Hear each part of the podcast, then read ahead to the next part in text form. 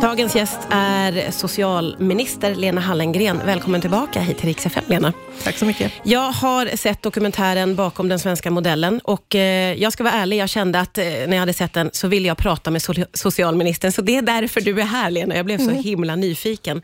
Vad minns du av den där första våren när corona slog till? Och jag minns på ett sätt väldigt mycket, för det hände så fruktansvärt mycket. Det kändes ju som eh, ett år liksom, som förflöt där på några månader. Det var otroligt intensivt. Eh, förhoppningsvis får man aldrig vara med om något liknande mm. igen. Mm. Mm. Och Samtidigt så känns det som att tiden börjar gå, så jag är också glad att den här dokumentären finns och påminner om, om hur det var. Ja. Eh, I början där så, ingen visste ju någonting eh, och det kom ganska mycket press och eh, kritik mot både Folkhälsomyndigheten och mot dig och mot regeringen. Eh, hur var det att jobba under den här pressen, tycker du? Ja, men man kan verkligen säga att det svängde väldigt mycket. Det började med att det fanns ett enormt stöd. Det var liksom verkligen en enorm uppställning, vill jag säga, både politiskt och från myndigheter, organisationer, företag. Alla ville hjälpa till och alla ville bidra på olika sätt. Och Sen fanns det en tid av, av liksom mycket kritik som var jättetufft. Eh, och Sen tycker jag väl att vi har fått rätt i mångt och mycket, eh, allt eftersom tiden har gått, när vi ändå har kunnat peka på hur människor har fått behålla relativt mycket av sin frihet barn och ungdomar har fått gå till skolan. Vi har försökt att inte begränsa oss och vårt liv liksom mer än nödvändigt. Så att det, det, har gått upp och ner och det har varit tufft och sen samtidigt så är det bara någonting man gör. Mm. Eh, precis som du är inne på nu så kom det ju mycket kritik och ifrågasättande mot den, den svenska modellen, också mycket fr från utlandet. Eh, vad, ifrågasatte du den själv någon gång där i början?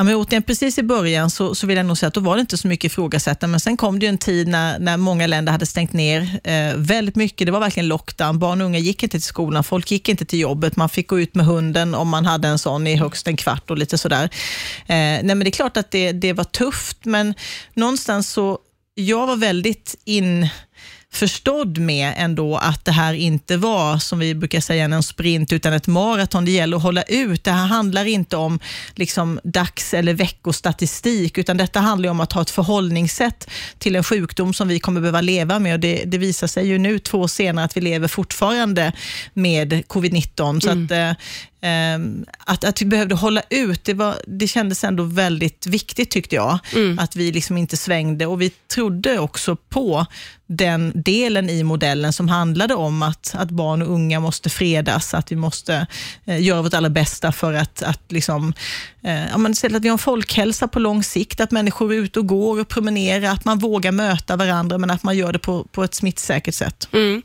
Eh, man får ju säga i den här dokumentären att du har ett väldigt, väldigt nära såklart samarbete med Folkhälsomyndigheten. Jag tänker vi pratar vidare om det strax här på Rix FM. Rix FM. Rix FM. Det är socialminister Lena Hallengren som gästar idag och vi blickar tillbaka lite på de här åren med pandemin. Eh, jag har ju sett den här dokumentären bakom den svenska modellen och där ser man ju att eh, det var ett väldigt tätt samarbete mellan dig och Anders Tegnell och Folkhälsomyndigheten. Hur upplevde du det där arbetet? Det var väldigt värdefullt helt avgörande. Och eh, eh, vi har ju en förvaltningsmodell som man säger i Sverige där vi har ganska små departement. Regeringskansliet är ganska litet men vi har stora myndigheter med, med många experter, väldigt mycket kunniga eh, tjänstemän som jobbar på regeringens uppdrag.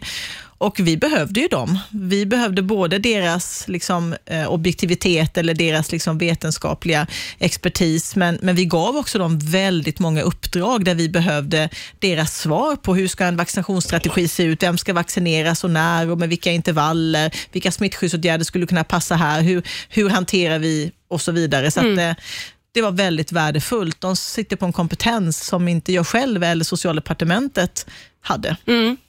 Eh, Jimmy Åkesson kallade strategin för en massaker plötsligt mm. och då konstaterar du i en scen i den här dokumentären, eh, helt avslappnat ska jag säga, så konstaterar du att han har legat hemma och chillat och käkat smågodis.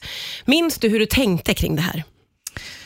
Ja, men jag tänkte ungefär så, att eh, han liksom tog i från tårna och anklagade oss som hade jobbat och slitit dygnet runt i månader för att vi skulle ha skyddsutrustning, för att vi skulle försöka ställa om produktion i, liksom till, till, till, till det som vi behöver, som skulle säkra läkemedelsförsörjning, som skulle se till att bussar gick, att sjukvården fungerade.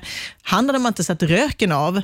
Eh, och sen helt plötsligt, så när han liksom kände att nu, nu har det lite grann lagt sig, nu börjar han jämföra lite länder och så får han lite statistik och så liksom drar han till med detta detta eh, och har själv inte lagt två strån i kors. Jag tyckte det var magstarkt.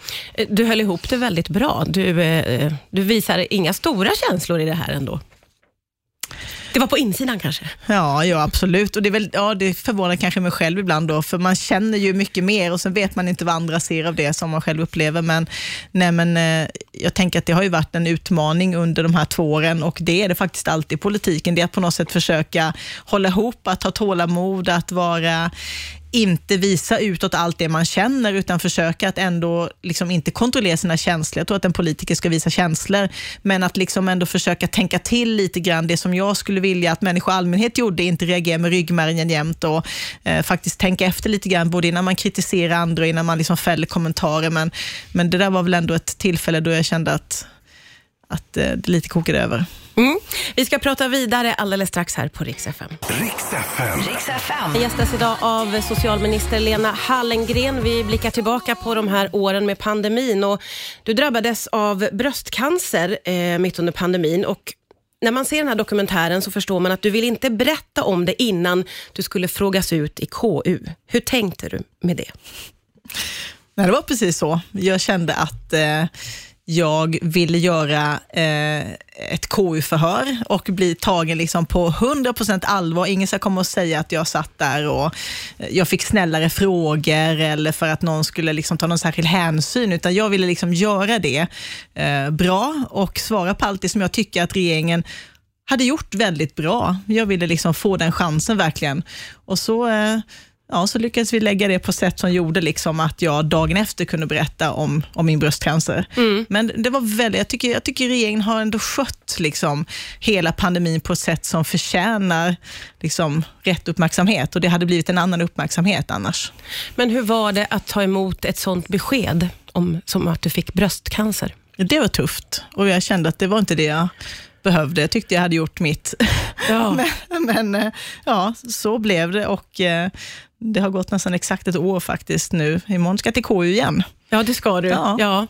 Eh, men, men vi är ju jättemånga, tror jag, som eh, var förundrade över att du körde på och jobbade på som vanligt och också med det arbetet du har. Hur var det att jobba på som socialminister under en pandemi när du har mm. fått den här diagnosen? Ja, men dels så hade det gått ett år av pandemin. Eh, det finns, om man ska vara lite krass, liksom, ett år tidigare hade det varit jättesvårt. Mm. Eh, det hade nog inte gått. Nu hade det gått ett år och det fanns ändå liksom strukturer, rutiner. Eh, jag har fantastiska medarbetare. Det, det är en helt avgörande faktor. Jag brukar säga också när någon frågar att alla levde ju liksom lite så här eh, canceraktigt i meningen att, att jag, alltså det var inte så mycket fysiska möten, man kunde få vara lite mer digital. Efter min första cellgiftsbehandling så gjorde jag en främjande resa till USA därför att den var digital. Det hade ah. förstås aldrig varit möjligt om den skulle varit fysiskt i sju dagar. Nej. Så att det var möjligt att, att hantera, men jag mådde också väldigt bra under tiden. Mm. Måste jag säga. Det, det, hade inte gått att göra våld på sig själv. Liksom. Men, men, så är det. Läkemedel idag är ändå fantastiska. Den här nidbilden man har av att man ska må jättedåligt. Jag säger inte att man inte kan göra det, men jag gjorde inte det och många mår väldigt bra. Ja. Eh, I den här dokumentären så säger du, vilket samhälle kommer vi att vara när vi kommer igenom den här krisen? Har mm. du börjat få något svar på det? Um, ja, det är ju så otroligt tragiskt att vi efter den här pandemin har fått krig i Europa. Mm. Det håller på att omdefiniera oss ytterligare. Så att eh, hade vi inte haft det hade vi kanske haft en annan efterdebatt, men, men, eh, nej, men vilket samhälle vi ändå är, givet, jag tänker det digitala som finns kvar, det är lite banalt, men också hur viktigt det är att vi, att vi jobbar vidare för att ha ett välfärdssamhälle där, där som man verkligen känner finns där när man behöver. Mm. Det gäller ju för mig att få vård när jag fick min cancer, men det handlar ju om människor som på olika sätt behöver samhället. Om man blir av med jobbet, om det är tufft för barnen i skolan, om man drabbas av psykisk ohälsa. Alltså allt det, jag tänker att jag blir väldigt påmind, jag tror att jag delar det med många, att man blir väldigt påmind om att man inte är så stark ensam och att man verkligen behöver ett starkt samhälle. Och för mig så, så eh, har liksom välfärdsfrågorna bara blivit ännu viktigare, för det är också en del av vårt civila försvar, av, av vårt gemensamma skydd faktiskt, att vi har ett, ett starkt välfärdssamhälle som vi har demokratisk kontroll över dessutom. Lena Hallengren, tusen tack för att du kom till Rix FM idag. Tack snälla.